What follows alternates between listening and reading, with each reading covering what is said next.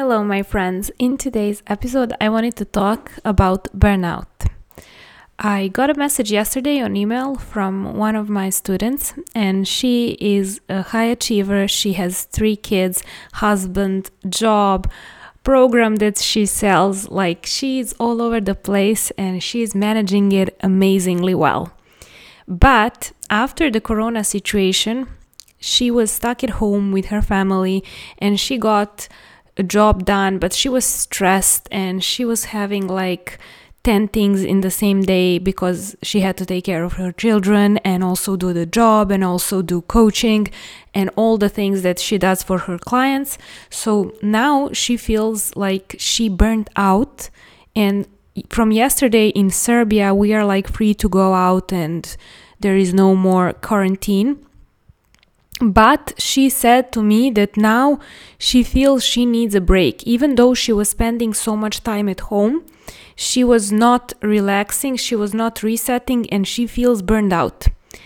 And she basically asked me over email, not for permission, but she said, What should she do? She feels like she can't do this anymore, like at this level. And I told her that that is actually normal. And we feel that other women who are doing it all as we perceive it are superhuman. But no, we all struggle with managing everything in the same time.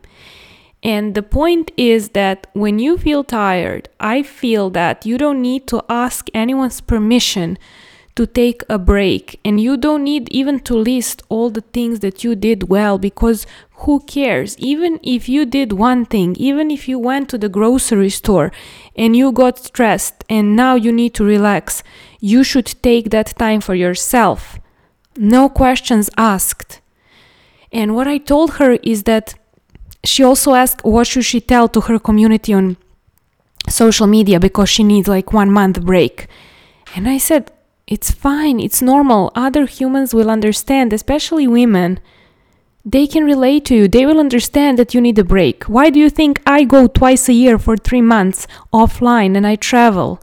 And I enjoy my time and I just read and paint and go to the gym and do yoga and relax, go to the nature because I need that time to recharge. It's not easy to reply to hundreds of messages a day on Instagram and on email and everywhere. That is our job and we did choose it and we do like it but it really does take its toll on you because it's tiring for the eyes and for energy. Because you do care about those people. You really want to invest energy into answering them. So what i told her is what i'm going to tell you. It doesn't matter if the whole world was stuck in home and some people relaxed some were productive some were doing I don't know, exercises every day and some were eating their hearts out. Do not compare yourself to others. You are where you are for a reason. And it's also okay to know what are your internal seasons. As every woman has her seasons in her period, like spring, summer, autumn, winter. It is the same in life. And it doesn't matter that around us in real life is now summer.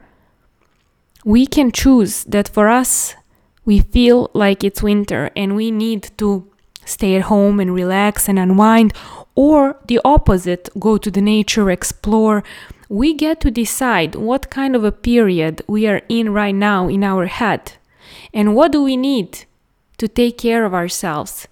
Because if we are being honest and if we say that we are tired and we are taking a break, we are not being weak, we are being brave we are showing other women the example that they should always put themselves first.